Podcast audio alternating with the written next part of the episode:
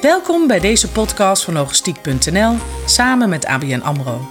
Over de gevolgen van de coronacrisis voor de logistieke sector. Diverse steunmaatregelen geven bedrijven op dit moment even lucht. Voor de lange termijn is meer nodig dan dat. Met name visie op de toekomst van de logistiek. Daarover gaat het in deze podcast met in de studio Albert-Jan Zwart, sector-econoom van ABN AMRO. Verderop sluit Walter Ploos van Amstel zich aan bij dit gesprek. Hij is lector City Logistics aan de Hogeschool van Amsterdam. Centrale vraag in dit gesprek onder leiding van Heren Stad, hoofdredacteur logistiek.nl, komen er fundamentele veranderingen. Albert-Jan, uh, eerst even met jou kijken naar de markt en de marktanalyse die jullie hebben gemaakt. Uh, hoe dramatisch is de situatie op dit moment? Vrij dramatisch, denk ik. Uh, een groot deel van de economie is uh, tot stilstand gekomen. Niet alleen in Nederland, maar ook in de rest van Europa en ook in de Verenigde Staten. dat heeft echt geleid tot een forse daling van de vrachtvolumes ik las ook een, een enquête van Evo Venedex, de verladersorganisatie. Waaruit blijkt dat ook de export flinke klappen heeft gehad. Met echte dalingen van wel tientallen procenten voor veel bedrijven. Wat is jullie prognose voor de rest van het jaar? Nou, mijn voorzichtige prognose was dat de volumes over heel 2020 met zo'n 7% zouden kunnen dalen. Uh, maar dat is wel met heel veel onzekerheid omgeven. Dat hangt echt af van in hoeverre we economieën weer kunnen heropenen. de Rotterdamse haven die heeft het over een daling van 10 à 20 procent. En dat zou nog een stuk meer zijn dan tijdens de financiële crisis van 2008, 2009. Dus als jij zegt 7 procent, dan is dat een voorzichtige inschatting. Het wordt eerder meer dan minder. Ja, ja, ja. Ik, ik denk dat het ik, ik ben niet zo optimistisch. Ik denk niet dat het uh, makkelijk minder kan worden dan die 7. Ik denk eerder dat het meer wordt. Ja, er zijn heel veel risico's. De werkloosheid die zal waarschijnlijk flink oplopen. Niet alleen in Nederland, maar ook daarbuiten. En uh, dat zal ertoe leiden dat er minder geconsumeerd wordt... doordat de consumenten de hand op de knip houden. Ja, en dat zal leiden tot een afname van vrachtvolumes, denk ik. met name later dit jaar. In jullie advies een paar weken geleden, daar stond eh, bereid je onderneming maar voor op eh, structurele verandering in de bevoorradingsketens. Zie je dat al gebeuren? Uh, nou, even terug naar de tijd voor corona. Uh, we hebben een aantal decennia gehad waarin de wereldhandel sneller groeide dan de wereldeconomie. Sinds ongeveer 2014 is dat effect eigenlijk een beetje omgedraaid. De wereldhandel die groeit minder snel dan de wereldeconomie. Er wordt meer waarde gecreëerd, bijvoorbeeld door digitale diensten. Maar er wordt ook meer waarde gecreëerd door regionaal ingerichte productieketens. Dus wat je zegt is, die veranderingen die waren al op gang gebracht ja. en die krijgen dan door de coronacrisis een, een, versnelling? Ja, dat denk ik wel, want ik denk dat uh, heel veel bedrijfsleiders wakker zijn geworden en dat ze nu uh, voor het eerst in lange tijd hebben gezien wat het nadeel is van op grote afstand produceren en allerlei onderdelen op andere plekken produceren, op andere werelddelen. En dat soms ook maar uit één bepaald gebied laten komen. Um, en ik zou mij kunnen voorstellen dat bedrijven hun productieketens daarom anders gaan inrichten. Dat ze meer risico's willen spreiden dat ze bijvoorbeeld bepaalde onderdelen, zowel in Azië als in Oost-Europa, gaan produceren. Zodat ze veel flexibeler kunnen zijn. En ja, wij horen dat ook al van industriële klanten. Die willen toch niet opnieuw in de situatie komen dat er tekorten dreigen aan bepaalde spullen. En, en bovendien, um, uh, in de industrie wordt nog steeds, uh, steeds verder gedigitaliseerd. er wordt steeds meer geautomatiseerd. Het dat proces gaat alleen maar verder. Want we praten natuurlijk al twintig jaar over digitalisering, maar dat is nog lang niet voorbij. Er zijn steeds meer machines die heel veel zelf kunnen, zonder personeel. Uh, die dag en nacht kunnen doordraaien. er wordt enorm geïnvesteerd in 3D-printers, bijvoorbeeld door autofabrikanten. En die 3D-printers die worden langzamerhand ook geschikt om hele series van producten te produceren tegen heel lage kosten. Nou, en dat leidt ertoe, denk ik, dat je eh, veel dichter bij huis kunt gaan produceren. Dus ik denk wel dat sommige bedrijven, met name de bedrijven die voorop lopen, die echt een concurrerende dienst aanbieden, bijvoorbeeld door digitale dienstverlening, dat die wel eens zouden kunnen profiteren van deze crisis. En dat de bedrijven die achterlopen, dat die des te harder worden geraakt. Als het gaat om investeren, dan heb je de bank daarbij nodig. Is staat de ABN AMRO klaar om de transportsector te ondersteunen? Ja, dat doen wij nu al. Dat is een beetje ondergesneeuwd geraakt door alle overheidsmaatregelen. Uh, maar we hebben net als de andere banken uh, zes maanden uitstel van uh, rente en aflossing verleend. ja, en daarnaast kijken we natuurlijk ook nog steeds naar gewoon nieuwe kredietaanvragen. Is het voor jullie business as usual of juist niet? Nee, het is niet business as usual. We zijn nu vooral heel druk met bedrijven die in uh, liquiditeitsnood komen, dus die binnen enkele maanden de kas leeg zien raken. En natuurlijk, wij willen altijd graag bedrijven financieren die op digitaal gebied voorop lopen.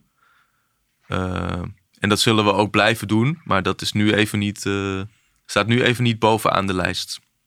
Nou, we zullen dat wel blijven doen, absoluut. Goed, we gaan schakelen. We gaan schakelen met Walter, Walter Ploos van Amstel.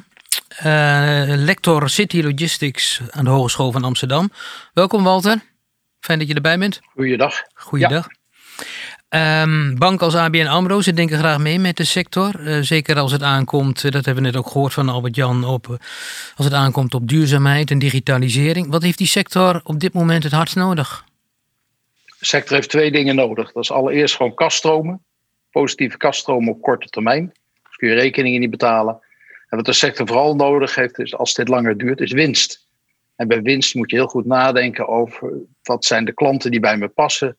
Wat is het netwerk wat bij me past. Want inderdaad, we gaan een zwaar najaar tegemoet. Een zwaar voorjaar in 2021. Met misschien wel verliezen van 10 tot 20 procent in transportvolumes. We moeten allereerst kijken naar de kaststromen. Cash is king. Heeft dit dan allemaal uh, effect op de structurele veranderingen die, die er zouden moeten gaan plaatsvinden in die bevoorradingsketen? Zie je dat zo? Ja, absoluut.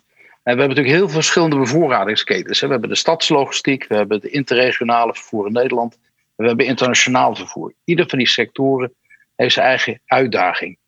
Als we beginnen met het binnenlands vervoer, dat is bijvoorbeeld van het magazijn van Unilever naar het magazijn van Jumbo. Uh, dat is van het de haven naar het magazijn van uh, Apple of naar het magazijn van Bol. Belangrijk wat daar moet gebeuren is dat bedrijven gaan nadenken. Iedere sector wordt op een andere manier geraakt door het coronavirus. Sommige sectoren gaan heel weinig merken, 2 tot 3 procent volume. Andere sectoren gaan geweldig veel merken, misschien wel 80 procent vraaguitval. Gelukkig hebben de banken heel goed overzicht wat er in die sectoren gebeurt. Dus als je manager bent van een transportonderneming, hou dan verduveld goed in de gaten van wat zijn de sectoren waar ik nu zit en wat zijn de verwachtingen voor die sectoren op termijn. Dat is best een nieuw vakgebied in de transportsector. Ja, we zijn is niet dat? heel erg goed. Nou, we zijn niet zo goed in sales en operations planning, omdat we vaak niet de data hebben. We weten eigenlijk niet in welke sector het vervoeren. We vervoeren ook vaak voor anderen in de tweede lijn, waardoor we eigenlijk niet weten wat er in de vrachtwagen zit. Eh, en wat veel ontbreekt zijn strategische samenwerkingen met verladers de goede bedrijven te nagelaten. Maar doordat we ontzettend opportunistisch vaak kort op de bal zitten om volume te krijgen. En niet strategisch bezig. Dus een sector kan wel 5% dalen. Maar door de manier waarop jij aan die sector verbonden hebt, kan het effect voor jou dus min 40% zijn. We gaan een toplaag zien van bedrijven die het zowel digitaal als in de fysieke wereld goed voor elkaar hebben. Ik heb het altijd over de stuf van de vrachtwagens en de magazijnen en de fluff van de data. En daaronder gaan we zien een aantal bedrijven dat wat minder goed voor elkaar hebben. Wat we nu zien is dat bedrijven in de transportsector, vanwege de dalende volumes, verschrikkelijk snel aan het afschalen zijn in de flexschil. Ja. Weet je dan, als jij in die flexschil zit, dat als een van je opdrachtgevers uitvalt, 30, 40 procent van je volume daar de wegvalt, waar je dat volume dan wel vandaan kan halen? Nou, dat is een grote vraag op dit moment, van of die tweede en die derde laag wel klaar zijn voor die enorme volatiliteit die de markt de komende jaren gaat hebben. Maar zie je dat die tweede en derde laag zie je die steeds kleiner worden? Of is dat toch nog steeds ja, heel erg absoluut. groot? Ja, Ja, je ziet de tweede en de derde laag inderdaad kleiner worden. Wat je ook ziet is dat steeds meer bedrijven nadenken van ik heb een onrendabel deel van mijn netwerk. Waarom ga ik dat niet overlaten aan een bedrijf dat dat wel rendabel gaat maken? Dus wat we nu zien in de transportsector zijn behalve overnames, zien we ook gewoon overname van pakketten. Zou jij mijn deeltje van de distributie in die sector willen overnemen? dat is eigenlijk wel goed nieuws, want we moeten naar een sector met veel minder bedrijven. We moeten naar een sector die veel grootschaliger denkt, die veel beter zelfstandig op zijn benen kan staan. En de Nederlandse transportsector wordt gekenmerkt door geweldig veel mama-papa bedrijven. Uh, die gaan het moeilijk hebben. Uh, en met de kwaliteit van de bedrijven die daar zitten, hebben we ook niet een hele robuuste transportsector. Dus er moet echt heel veel gebeuren. Je knikt, Albert-Jan, dat, dat vind jij ook. De transportsector, daar moeten nog heel veel bedrijven sneuvelen om het tot een gezonde sector te laten worden. Ja, wat we nu zien is dat uh, die, die kleine transporteurs die de flexibele schil vormen van grotere opdrachtgevers, dat die uh, keihard geraakt worden met forse teruggang in omzet. Ja, en aangezien het erop lijkt dat de situatie van lagere volumes nog wel een tijd gaat duren, uh, ja, kan het haast niet anders dan dat uh, dat soort bedrijven wel zouden kunnen gaan omvallen. En dat is eigenlijk alleen maar goed. Ja, niet voor de bedrijven zelf, maar wel als je kijkt naar de sector in zijn, in zijn totaliteit. Mm, ja, voor de sector is het misschien wel uh, goed, maar ja, voor, die, voor die bedrijven is dat natuurlijk een ramp. Ja, het is voor de families. Triest. Ja, voor de families en voor de werkgelegenheid misschien ook wel. Maar hebben ze het aan zichzelf te wijten, Walter? Ik vind dat een hele lastige vraag. Want die mensen hebben snoeihard gewerkt. Die hebben alleen niet tijden gezien dat de wereld verandert. En met name de digitalisering, die betekent, of die leidt tot hele andere verdienmodellen. Wat mij opvalt is, als ik les geef, en ik geef veel les in controllersopleidingen, MBA-opleidingen, dat ik zo'n 500 mensen per jaar voorbij zie komen. En in de afgelopen 15 jaar dat ik die lessen geef, heb ik vier mensen gezien uit de logistieke sector het investeren in MBA, het investeren in controllersopleiding, het binnenhalen van talent, maar talent wat ook oog heeft van de best practices die je uit andere sectoren kan halen, daar is de bedrijfstak wel erg op achtergebleven. Er zijn ook gelukkig segmenten in de transportsector waar het wel over strategische samenwerking gaat. Ja, kun je voorbeelden noemen? Heb je een antwoord nodig. Strategische samenwerking zie je geweldig goed in de foodsector. Dat zijn allemaal langdurige relaties tussen retailers, groothandelsproducenten en hun transporteurs. Waar je dat minder ziet, is in de palletachtige netwerken. Ja. Waar je langdurige samenwerking ziet, is in de pakketnetwerken. PostNL, DHL, Redje Pakketje hebben langdurige samenwerking met hun opdrachtgevers. En zou je dan kunnen zeggen dat die langdurige samenwerkingen ervoor hebben gezorgd dat het effect van de crisis minder hard is aangekomen dan, de, ja, dan zou kunnen? Een van de belangrijke dingen die ik geleerd heb in de afgelopen twintig jaar, als je kijkt naar de sector, is dat als je mee kan kijken over de schouder van je verlader, bedrijven dat heel goed deed was Sabic in Limburg, die lieten hun 60 transporteurs meekijken in de planning van hun fabrieken. Dan kun je ook gaan anticiperen, dan weet je wat er aankomt. Uh, dus dat is een goed voorbeeld waar verladers samen met zijn transporteurs en ook met de gemeenschappelijke groep van transporteurs steeds kijkt naar wat gaat gebeuren en hoe zorgen wij dat we voldoende transportmiddelen hebben om de markt te bedienen. In algemene zin, hè, en dat vraag ik aan jullie allebei, zou je kunnen zeggen dat de professionaliteit in de supply chain en in, in, in de logistiek, dat die hoger is dan uh, ten tijde van de vorige crisis. Toen, laten we zeggen tien jaar geleden, toen de vorige crisis uitbrak. Zijn we een stuk verder dan toen? Als je nu kijkt bij de verladers, die hebben heel veel geleerd van 2008, maar niet alleen van 2008. We hebben bijvoorbeeld in de foodindustrie toch een EHEC-bacterie gehad.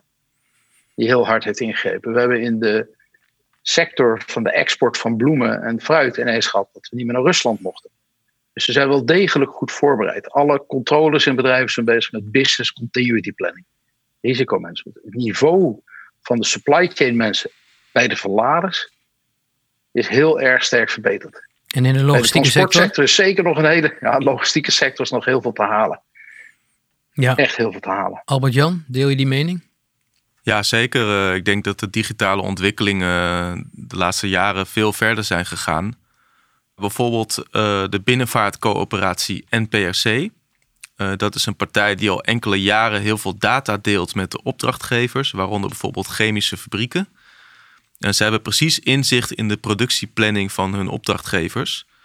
Uh, hun hele supply chain, de, hele transportstroom is uh, helemaal digitaal in kaart gebracht. Ze weten precies waar de knelpunten kunnen zitten, waar de overslagpunten zitten. En als er ergens een probleem is, bijvoorbeeld door een grenscontrole of door uh, laag water, dan kunnen ze daar meteen op inspelen. En een ander voorbeeld is Flexport. Dat is een bedrijf waar Softbank heel veel in heeft geïnvesteerd. Dus waarschijnlijk nog niet winstgevend maar groeit wel heel hard. En dat is een uh, bedrijf dat samen met Coolblue en KLM uh, de hulptroepen regelt. Dat initiatief is erop gericht om zo snel mogelijk, zoveel mogelijk medische hulpmiddelen uit Azië te halen, want daar worden ze geproduceerd. om die zo snel mogelijk aan zorgverleners in Nederland te verstrekken. en een groot probleem in, bij die zorghulpmiddelen is uh, dat er veel uh, slechte spullen op de markt zijn. Er zijn heel veel nep uh, kapjes op de markt, bijvoorbeeld mondkapjes die helemaal niet werken. ja, en daar zie je ook weer aan hoe belangrijk het is dat je alle data hebt over de hele productieketen, over de hele logistieke keten. Want dan weet je ook dat het product goed van kwaliteit is en dat die fabrikant betrouwbaar is. En dat heeft ook als voordeel dat je duurzamer kunt zijn want als je al die data hebt, dan kun je meestal je transportbewegingen beter plannen, waardoor je een hogere beladingsgraad uh, krijgt. Uh, en dat scheelt weer in de CO2-uitstoot. Walter, denk jij dat duurzaamheid en digitale transitie dat die een flinke knauw krijgen door de crisis? Of dat die juist in een, in een stroomversnelling nee, geraken? Dat, ja. Nee, die gaan juist versnelling krijgen. We gaan nu digitaliseren, we hebben nu die behoefte aan data. En bedrijven die data gedreven zijn, zijn ook succesvoller in de markt. We hebben dat ook straks nodig we naar zero-emissie gaan. Ja. Elektrische vrachtwagens 2030, bestelauto's 2025. Dan moeten we beter gaan communiceren, ook in de keten. De voorbeelden die Albert Jan net noemde, zijn dat inderdaad de goede voorbeelden? Ik vind de voorbeelden die net genoemd zijn hele aansprekende voorbeelden, omdat ze over grote ketens gaan wereldwijd. Je ziet eigenlijk transport veranderen van puur alleen maar rijden naar eigenlijk het wereldwijd aansturen van supply chains met maar één doel: denk die klant tevreden stellen. Daar draait in logistiek alles op. Inspirerende voorbeelden. Ik denk met name dat de supply chain professionals zoals die er nu zitten, zo geweldig in staat zijn geweest een dempende werking te hebben, heel snel te schakelen. Wat we ontdekten was dat we hamsterden. Iedereen noemde dat hamsteren. was gewoon, je drinkt niet meer je kopje koffie op kantoor, maar je drinkt je kopje koffie thuis. Je hebt gewoon meer koffie nodig, meer toiletpapier nodig. Dat is interessant. Hè? Dat is een, sector waar alle data van iedere winkel, iedere minuut bekend zijn. Wat je gezien hebt, is dat die sector geweldig is gaan schakelen. Uh, geweldig is gaan kijken naar transport, wat ik heel knap vind, bijvoorbeeld in de food. Maar er zijn meerdere voorbeelden bij de food. Is dat Simacam, waarbij alle transporteurs van Albert Heijn aangesloten zijn, in no time met elkaar inzicht hadden in wie heeft de capaciteit. In no time ook uh, konden schuiven van food service de horeca de food, die was 80% gedaald. En dan gaat ongeveer een derde van het hele foodvolume heen. Kun je ook nagaan waarom dat we gingen hamsteren. is gewoon 20% meer omzet in de winkels is normaal. Alleen hadden daar de winkels ook nog niet op ingericht. Wat je gezien hebt in die sector is echt hoogstandjes van uh, mensen die de hele dag met data bezig waren, de hele dag met crisisteams. En eigenlijk heeft niemand in Nederland uh, niet s'avonds gewoon lekker thuis kunnen eten knap werk. De supply chain professional valt niks te verwijten, Albert-Jan. Ja, ik, ik, het heeft mij toch wel aan het denken gezet, die uh, kritiek. Uh, ik las ook een column van uh, hoogleraar Ewald Engelen in de Groene Amsterdammer. Hij schreef in zijn column dat de, de kwetsbaarheden in supply chains... dat die het gevolg zijn van doorgeschoten rendementsdenken... zoals dat met name wordt onderwezen op MBA's. Uh, ja, in de laatste decennia is dat heel vaak goed gegaan. En nu zien we toch uh, toeleveringsketens waarin dat niet uh, goed is gegaan. bijvoorbeeld bij de mondkapjes. daar zijn natuurlijk tekorten aan ontstaan, ook aan andere medische hulpmiddelen. Ik denk dat er toch wel een kern van waarheid in zit. Ondanks de, ook de enorme professionaliteit die we hebben gezien bij supply chain professionals. En die kern van waarheid is dan dat we flexibiliteit hebben ingeleverd ten, ten gunste van rendement. Ja, dat denk ik wel. Ja. Walter? Ja, ik denk dat we als consument allemaal geweldig gebaat zijn bij het juiste product op de juiste tijd en vooral tegen de juiste prijs. En als we die supply chains niet hadden gehad, hadden we nooit een hele mooie iPad kunnen ontwikkelen. Uh, ja, ik, Ewald Engelen heeft op één punt misschien wel gelijk. En dat is? Als we kijken naar heel specifiek wat er gebeurd is rond de uh, stroom van hulpmiddelen die we nodig hadden voor de gezondheidszorg, dan hadden we dit bij de verste verte nooit zien aankomen. Als we al wat bedacht hadden, misschien even in herinnering roepen, bij de vorige virussituatie, ik denk een jaar of vijf, zes geleden, had de minister meer dan 1 miljoen vaccins ingekocht, die niet gebruikt zijn. De arme man werd in dezelfde telegraaf volledig afgemaakt. dus die hebben hun handen gebrand. Wat we inderdaad die MBA'ers moeten leren, en dat zie je gelukkig ook wel. Er is geen MBA-opleiding of geen controllersopleiding zonder een blok over risicomanagement. Is. Ja, klopt. in de logistiek zijn we geweldig goed van de Q en de T, kwantiteit en tijd. Maar we kijken onvoldoende naar risico's. En die risico's en je scenario's en de vervolgkosten zijn wel heel erg belangrijk. Maar ook een hele belangrijk is dat. Uh, en als slimme ondernemers hebben dat ook gedaan. we zagen op een gegeven moment de prijs van de mondkapjes heel erg hoog worden. Misschien moeten we ook in logistiek wel leren omgaan met het prijseffect. Vaak kunnen we de producten wel krijgen, maar zeer mondjesmaat, maar betalen wel de hoofdprijs. Dus de oproep zou moeten zijn aan iedereen die met MBA-programma's werkt.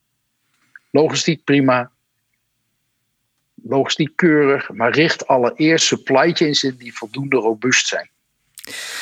Albert-Jan, tot slot, uh, we gaan dit afronden. Um, het is heel belangrijk dat je samen met je opdrachtgever om tafel gaat zitten. Dat je gaat kijken naar wat is nou de logistieke behoefte nu op dit moment en straks in de toekomst. En voor zover je dat kunt, kunt inschatten, hoe zie je dat voor je? Hoe moeten ze dat aanpakken? Nou, een voorbeeld uh, uit onze praktijk. Uh, er was een klant die uh, reed veel voor horeca. En op het moment dat de cafés al dicht waren, toen zei die klant tegen ons, want we hebben hem gebeld en die klant zei toen, nou, uh, de volumes blijven eigenlijk wel uh, aardig op peil. Wij rijden nog steeds uh, naar cafés. Dus is vooralsnog geen groot probleem. Ja, natuurlijk een, een, beetje bizar, ehm, want die cafés waren allemaal dicht. maar dat had te maken met het feit dat brouwers zoals Heineken en Bavaria, die gingen die, die, die fusten die al open waren, gingen ze ophalen. En de alcohol daaruit gingen ze gebruiken om uh, desinfecterende handgel van te maken. Dus dat was een reden dat aanvankelijk de volumes in, dat, in die tak van uh, transport nog op peil bleven. Uh, nou, en een week later bleken toch die volumes te zijn ingezakt. en daarom is het denk ik belangrijk om met de opdrachtgever in gesprek te gaan over: oké, wat voor schommelingen verwachten we nou in de volumes? En wat is de planning voor de komende maanden? Uh, waar moeten we misschien rekening mee houden? Wat zijn de belangrijkste risico's? Zodat je daar uh, goed op kunt inspelen, proactief op kunt inspelen. Ik sluit me nou volledig aan. Je gaat alleen maar overleven in deze sector als je enige tijd van tevoren weet wat er gaat gebeuren. Niet als je gaat zitten wachten tot wat er morgen gebeurt. En als je enige tijd van tevoren wil weten wat er gebeurt, dan heb jij niet de kennis in huis, dat zijn je klanten. In de transportsector doen we alleen maar dingen voor klanten. Maar dan wel op een andere manier dan tot nu toe. Geen business as usual. Nee, het is geen tijd meer voor business as usual. We gaan capaciteiten met elkaar delen. We gaan data met elkaar delen. En niet in de laatste plaats gaan er geweldig voor zorgen. De mensen in de ketens veel beter hun beslissingen op elkaar afstemmen. Dat moet samen. Dank jullie wel voor deze bijdrage, voor jullie bijdrage aan deze podcast. Uh, Walter Ploos van de Amstel. Uh, lector, van, lector City Logistics Hogeschool van Amsterdam. En Albert-Jan Zwart, sector-econoom ABN AMRO. Dank jullie wel. Dank u wel voor het luisteren naar deze podcast. Andere afleveringen kunt u vinden op onze website logistiek.nl.